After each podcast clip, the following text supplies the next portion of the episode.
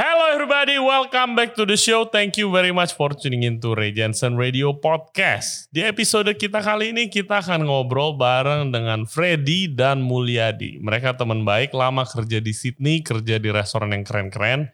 Mereka sudah pulang ke Indonesia. Yang satu kerja di Bandung jadi head of operation. Yang satu lagi jadi executive chef di restoran and bar di grup besar di Jakarta. Hopefully dari podcast ini kalian bisa belajar tentang pengalaman dari pengalaman-pengalaman mereka dan bisa ambil pelajaran dari situ. Dan topiknya kali ini tuh kenapa sih kalau restoran orang yang belum pengalaman itu berani. Banyak yang berani buka restoran langsung. Tapi kalau yang udah jago, udah jadi chef, pengalaman udah banyak, malah makin ke sini makin serem kalau mau punya bisnis sendiri. So what it takes to make your own business? Seperti biasa yang belum subscribe di Ray Radio Podcast YouTube channel, please do subscribe di YouTube, klik the bell icon supaya nggak kelupaan dan nggak ketinggalan. Dan if you like our content, please klik the like button dan juga share it to your friends. It will really help out a lot. Selain itu, kita juga ada di Spotify, Apple Podcast, Google Podcast, dan Anchor App. Oke, langsung aja kita mulai podcast hari ini. Freddy dan Mulyadi, enjoy the show.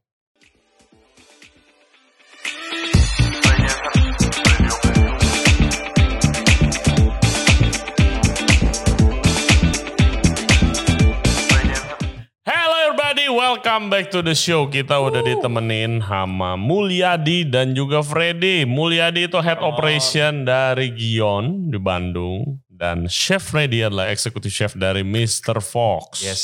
Restaurant yes, yes, and yes. Bar di Jakarta dan di Surabaya. Welcome to the show. Thank you bro. Halo semuanya. Iya. Hai, hai. Gimana bisnis sekarang kan sudah mulai membaik mestinya. Lumayan kalau di Bandung sih udah cukup berjalan lagi ya. Kan Hmm. kemarin ini sempat ada yang seribu bendera itu Heeh, heeh. Yang bendera putih itu. bendera putih ya. Hmm. Lu- Dari lu- sana hmm. udah Eh, eh, mulai ini. boleh gak ceritain sedikit movement itu? Lu tahu tapi? Enggak. Nah, Nah ceritain dong. that's an interesting movement. Sebenarnya sih malah gue taunya dari orang Jakarta ya. Hmm. Oke. Jadi eh, selama pandemi kan memang si F&B itu di Bandung susah banget untuk jalan. Hmm. Jadi eh, teman-teman F&B semua di Bandung sepakat buat kibarin bendera putih untuk apa sih? Untuk supaya eh, apa ya? Ibaratnya bukan menyerah, tapi Hmm. lebih kita eh apa ya? Bisa dibilang COVID nih yang harus menyerah lawan kita gitu. tau nggak? cakep. gitu. Kita nggak boleh nyerah lawan COVID gitu. Soalnya kan kita nggak bisa tahu juga kapan berakhir dan bisnis nggak bisa mati gitu. Oke. Hmm. Oke. Gitu. Cakep, Sama cakep. itu juga menunjukkan, kalau gue lihatnya ya, menunjukkan justru kayak ini industri F&B ini kayak minta bantuan dari pemerintah atau apa gitu Iya, loh, biar terutama kelihatan, Iya, terutama biar untuk kelihatan gitu kan. terutama dari segi eh, apa ya PPKM mungkin Iya, kan itu agak sedikit Hmm. one sided ya Iya. gitu. Hmm. Benar. Soalnya waktu at that time bulan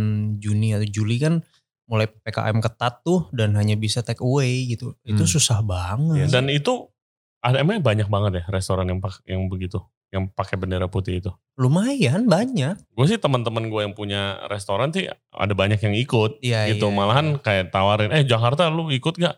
Ya gue kagak ada tempat cuy. Jadi di depan restorannya ada bendera putih gitu? Ya di di Iya. atasnya gitu kan. Oh iya? Ah, di, di gedungnya? itu Iya, ya, di dan banyak dan banyak yang ngikutin. Oh. Hmm, hmm. gitu. Gila, gua Interest- gua interesting movement tuh. Dengar Iya. gue. Nice, nice movement itu menunjukkan solidaritas menurut Hmm. gue. Iya, iya, iya. Dan memang itu sih ya kalau buat gue yang paling kerasa tuh ya lebih nunjukin kita nggak bisa nyerah. Iya. Itu aja. Hmm. Soalnya we are a lot bigger than COVID-19. Yes, Benar, yes, benar. guys, jangan jangan menyerah guys. Yes. Ini sekarang udah lebih mending nih ya, Amin. ya kan. Lu Hmm. gimana? Business getting better, definitely getting better Hmm. gitu loh. Weekends already busy. Especially for the last two weeks ya, kalau Oh, gua.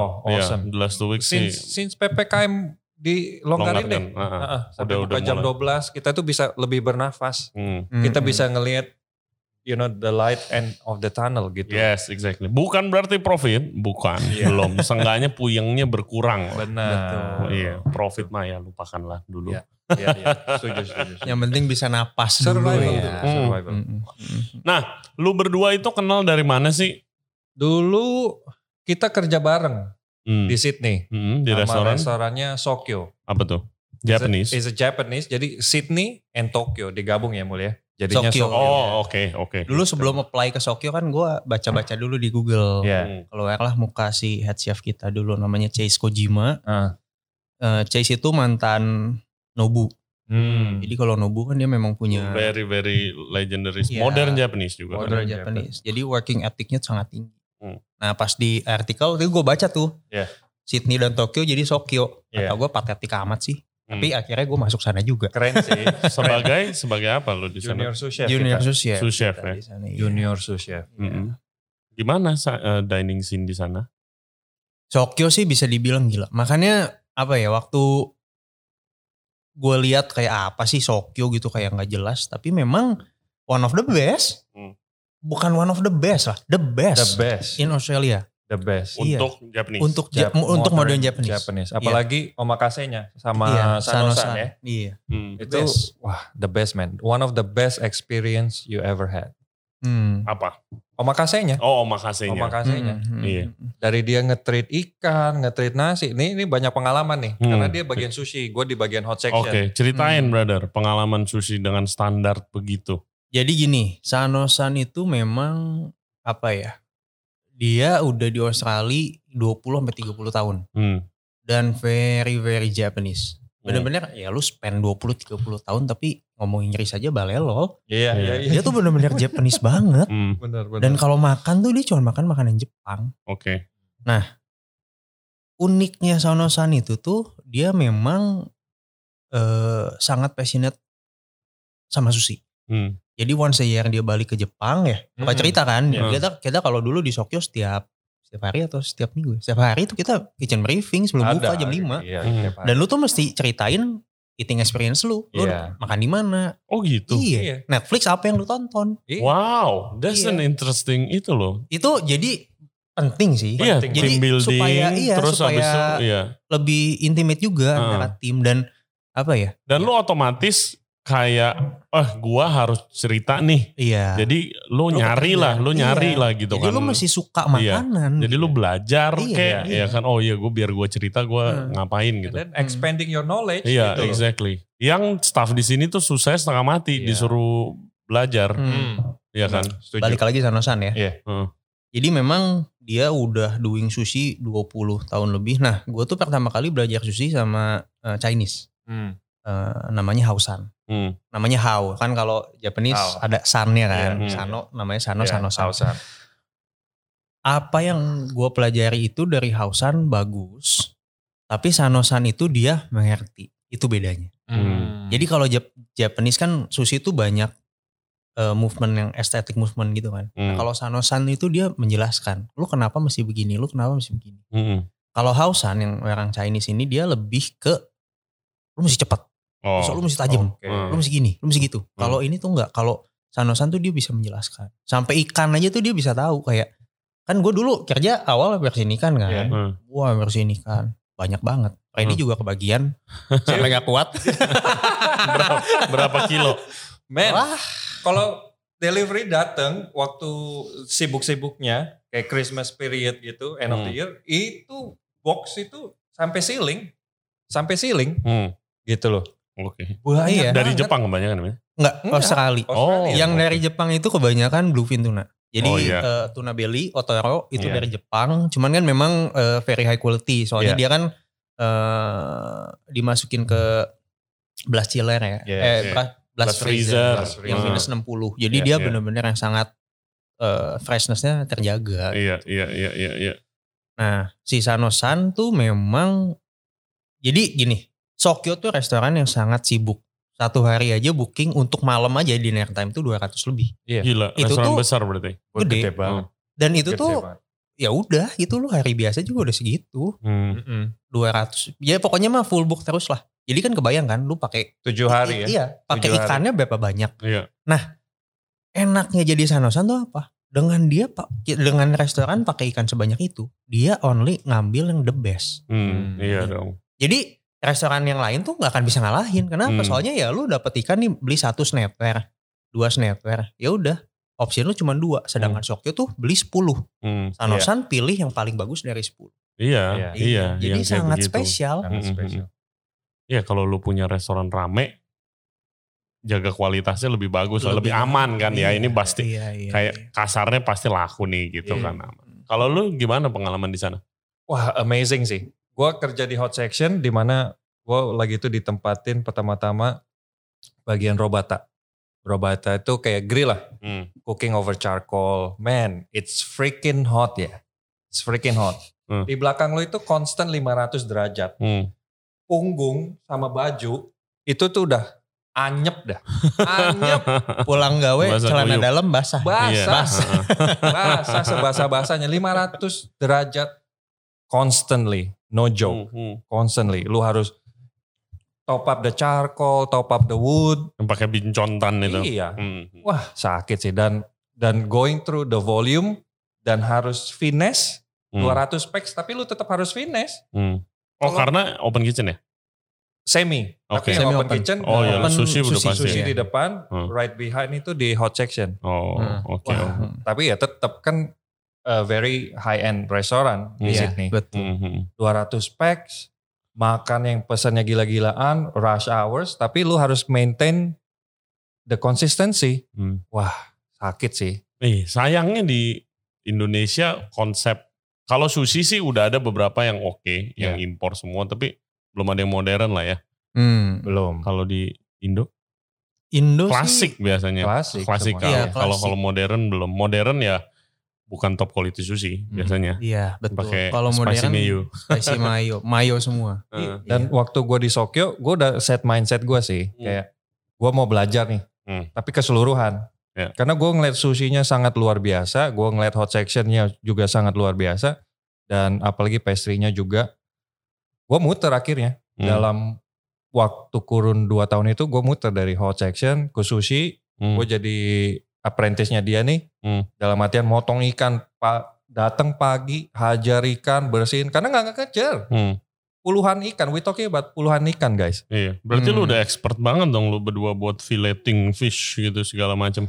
Sampai ke bawah mimpi ya. yang mana jari kecucuk sama snapper Ah. jadi bengkak kan Iya, iya, iya, kan iya. ada racun ya snapper itu Iya, itu gue pikir dulu ada staff gue gitu ketusuk Hmm. sniper gue pikir kayak ah bacot lu gue bilang saya gue gak enak badan saya ketusuk ikan kakap nggak ada nggak enak badan kerja kerja bodoh eh nggak tahu beneran beneran beneran ketusuk dipencetin sama dipencet pencet pencet biar keluar ya. Itu kalau nggak dipencet jempol lu bisa triple the size loh. iya iya iya Sebenarnya Hmm. kalau ini mah, eh cuman sebenarnya memang nggak semua ya. Ada yang ada, ada yang enggak sih. Cuman ya. kan ya one, one, Bahaya, one ya. of the best experience di kitchen sih Hmm. dari situ eh, kita ya gimana sih kita kerja bareng the the apa the friendship the brotherhood itu Iya. makin kental Kenceng. iya iya Memang Hmm. di sana salah satu yang berasanya itu ya. iya eh, intim gitu. Intim, Antara benar. sesama. Hmm. Nah Kalau terus Freddy mah intimasinya sampai ke front of house. boleh dong dikit-dikit ya kan harus get to know each other dong. Bener. Oh, iya, iya, kan? iya. Biar- biar, lebih solid biar kerjanya. servisnya dari Iya, belakang sama iya, depannya harus ada kesinambungan. Iya. Betul. Nah terus lu berdua, kenapa ada di Indonesia sekarang?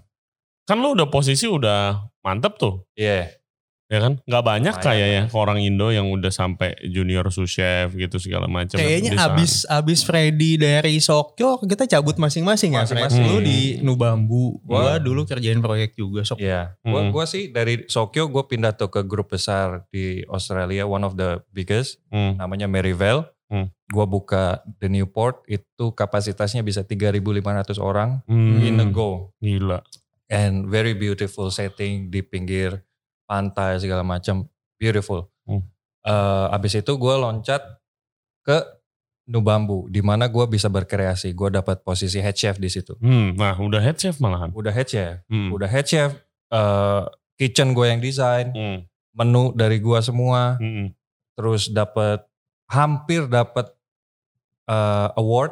Hmm. Kalau kita tahu em, Austra- heads itu ya. Iya di Australia nggak ada Michelin, tapi Hmm. adanya head. Hmm. Waktu itu restoran gue scored 14,5 out of 20. Hmm. Untuk dapat satu head butuh 15. Hmm. 0,5 lagi bos. Hmm. Setipis itu gitu loh. Tapi ya long story short, em, nggak satu visi lagi Hmm. sama bos gua karena untuk dapat head ya obviously we, we gonna spend money Iya, lu Entah harus itu- invest. H- hire uh, sommelier Uh-uh. atau you know train better staff kan bu- butuh duit ya. Iya. Ngefek banget ya kalau di luar negeri tuh yang either Michelin atau World 50 Best Ngefek. atau Hats Ngefek itu tuh bener-bener ngefek banget. Ngefek Orang bisa banget.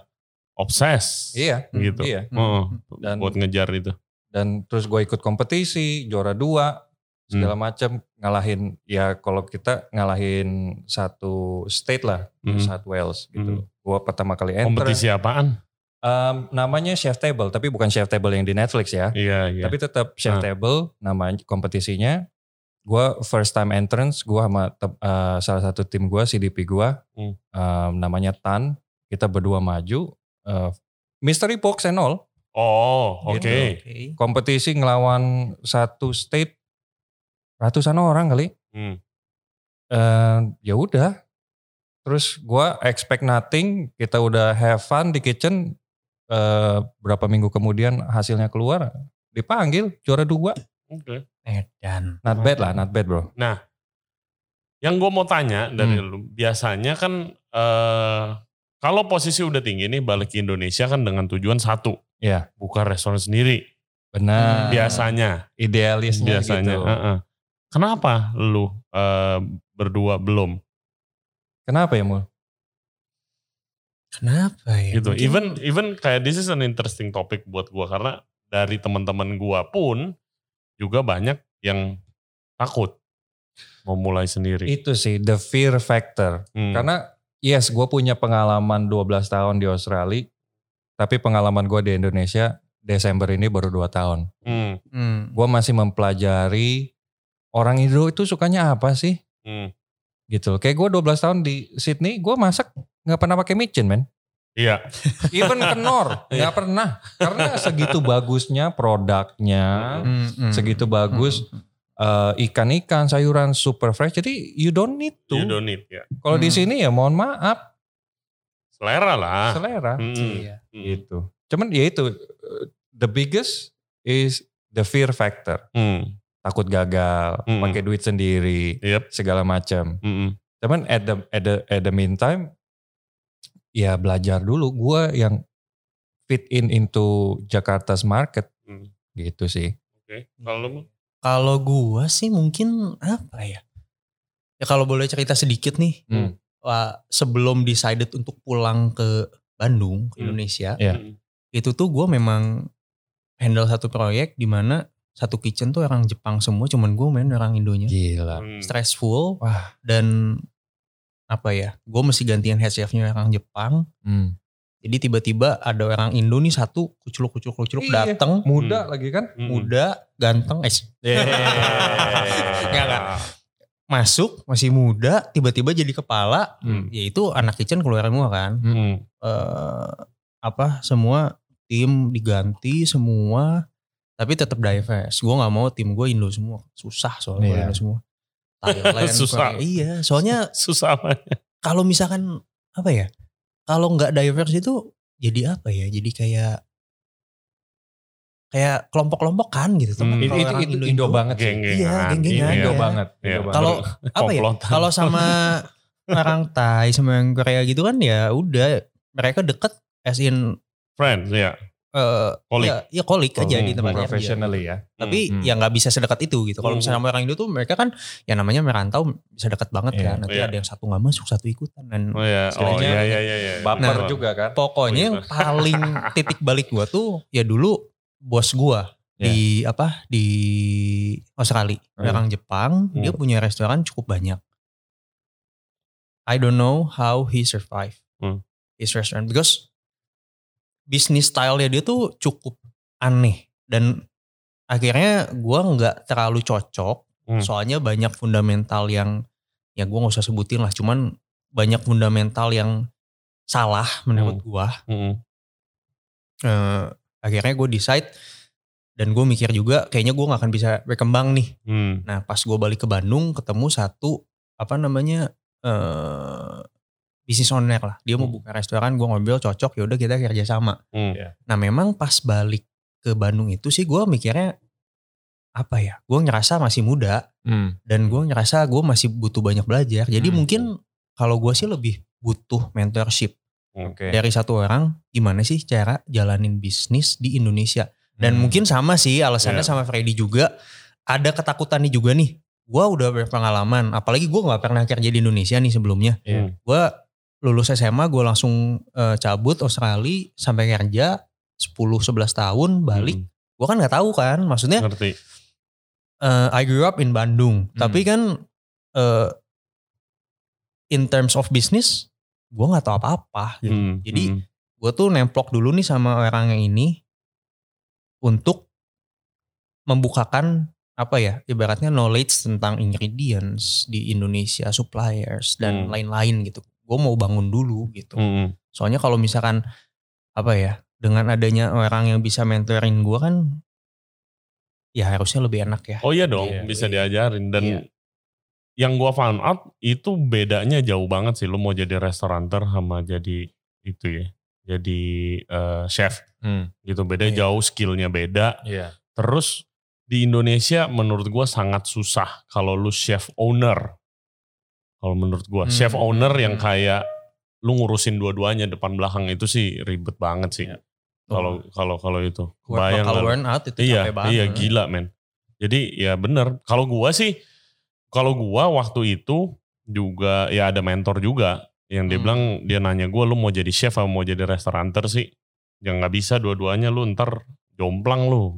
Dia bilang kayak gitu lah. Hmm. Masa lu gila kalau lu ngambil dua-duanya lu pilih salah satu aja gitu kan. Ya Betul. dan di Indo kan jauh lebih lukratif untuk jadi restauranter kan. Iya. Iya makanya Iya. itu dari situ gua kayak oke kita mulai bikin grup-grupan kecil-kecilan. Oke. Of course nggak ada restoran lah Hmm. Iya. gitu. Siapa yang percaya anak-anak muda terus nih kasih duit gitu kan.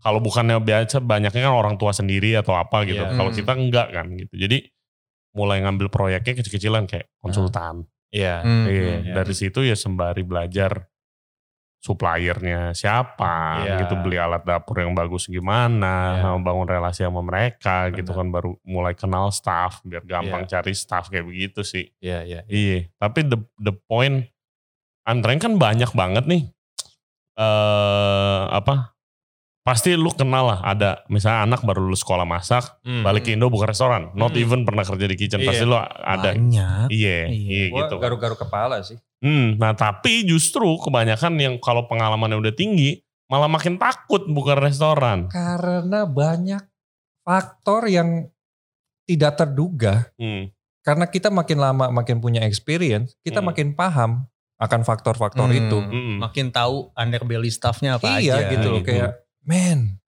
ngeri. Yep. Kalau lu mulai bertanya lah, hari ini omset nyampe nggak ya? Hmm, Hari ini staff gua masuk nggak ya? We Gitu loh. talk about commitment loh ini ya. Iya. Iya. Jadi bukan hanya sebatas kita cuman buka restoran. We talk about commitment. Di mana kalau misalkan kita bikin satu restoran, di mana kita hire nih karyawannya kita, Hmm. itu tuh menjadi tanggung jawab. betul. Gitu. Dan bukan karyawan yang bisa keluarganya kalau dia Iya, punya anak iya, gitu kan. Dan kayak gue sometimes admire sih kayak contoh lah kayak anak kecil dia nggak takut apa-apa gitu. Sama kayak anak-anak yang baru lulus kuliah yang bokapnya uh, Hmm. orang tuanya ada duit mau danain ya good for them gitu. Iya, iya, iya. Dan dan the courage mereka punya itu luar biasa kayak Hmm. berani. Iya. Kalau kita look gue nggak bilang gue nggak akan pernah mau jadi chef owner. Hmm. Kalau ada chancesnya gue bakalan ambil Hmm, gitu loh. Tapi at least gue bisa minimize my risk. hmm. Karena Ya. uh, once you amit-amit fail, pasti lu discourage. Lu kayak, aduh gue udah pernah buka sekali gagal nih. Jadi takutnya nambah gitu loh. Hmm. Um, I did that. Resto gue tutup. terus lu, how do you feel? Crazy, depressed. Iya kan? Iya, of course, crazy depressed. Tapi kan, I mean, kalau lu lihat statistically, Hmm.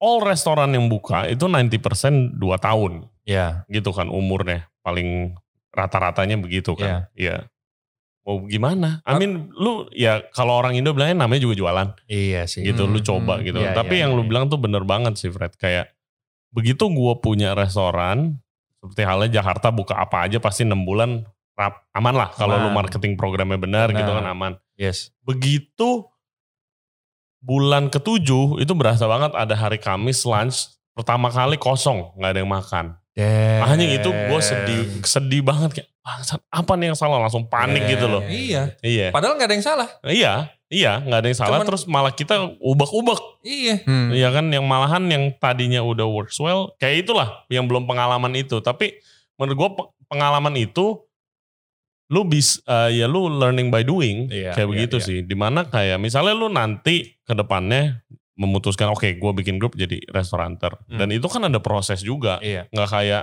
amin-amin lu buka satu restoran meledak Iya. rame Hmm. gitu. Amin. amin tapi kan nggak semudah itu kan banyak banget restoran yang buka ya tutup juga Hitungannya sih menurut gue Hmm. harus di secara kertas jangan muluk-muluk deh. Lu Hmm. ngitungnya ngitung pahit Hmm. gitu. Kayak tadi mau bilang kita tuh jadinya yang bertanggung jawab akan anak-anak kita nantinya pekerja-pekerja kita.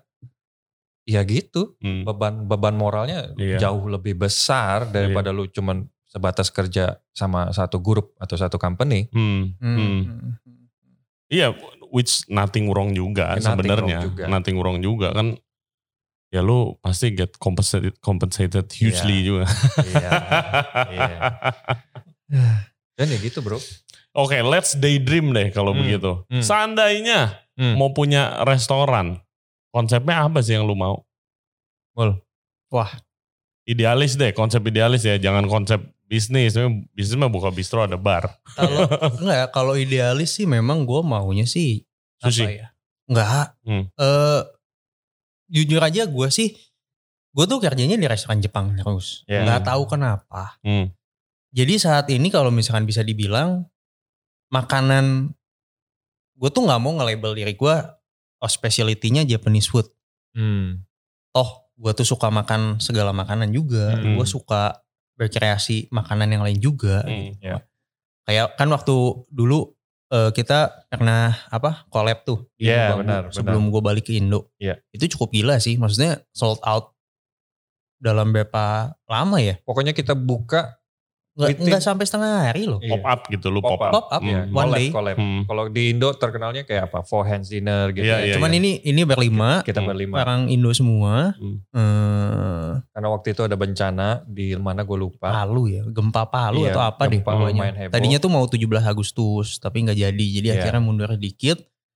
Dan amazingly itu yang gua kaget tuh, gua kira tuh bakal banyak orang Indo. Hmm. Kan kita sebelum jalan kita introduce ourselves dulu kan. Iya. Hmm. iya. Bule semua bos, Hmm. Iya. yang makan banyak kan bule. Banyak kan bule. Dan yang menariknya itu kita kayak mau showcase ya untuk orang di luar sana tahu supaya makanan Indo itu bukan hanya Babi guling. bukan hanya Indomie. Nah. Nah, jadi sebenarnya kalau misalkan gue mau bikin restoran ya gue pengennya sih pasti yang kayak apa ya mungkin bisa dibilang ya chef table itu Hmm. kayak counter Hmm. Iya. kecil paling 8 orang Hmm. ya udah gue versus 8 orang lu makan apa yang gue masak Oh makasih gitu. oh makasih Tapi- cuman jangan melulu oh sushi terus Iya. lu gue Hmm. apa ya maksudnya kalau sushi eh mungkin apa ya kalau sushi itu buat gue terlalu estetik Hmm. Hmm. Jadi kalau misalkan lu nggak pernah makan ikan yang high quality dikasih ikan yang high quality juga nggak akan bisa bedain. Hmm. Mereka belum Iya. bisa appreciate ya. Iya, Iya sih. mereka belum. Eh Setuju. makannya dulu waktu awal-awal kerja di sushi bar itu Sanosan suruh gua, Hmm. lu cobain omakase omakase sushi. Iya. Baru lu makan yang dia. Tujuannya apa? At the end pas gua makan Sanosan tuh gue baru tahu. Kalau gua nggak nyobain yang jelek, gue mana tahu yang bagus. Hmm. Gitu kan? Kan harus ada comparisonnya. Iya. Kalau lu makan bagus terus lu gak, gak tahu yang jelek. Jadi jelek, maksudnya bukan yang jelek ya, yang Hmm. Standarnya, rendah ke iya. atas. Jadi Iya. lu bisa, oh ini bedanya. Jadi gue sih lebih pengen ke sana sih. Hmm. Dan eh tetap dari dulu sampai sekarang tuh gue masih mau buka sekolah.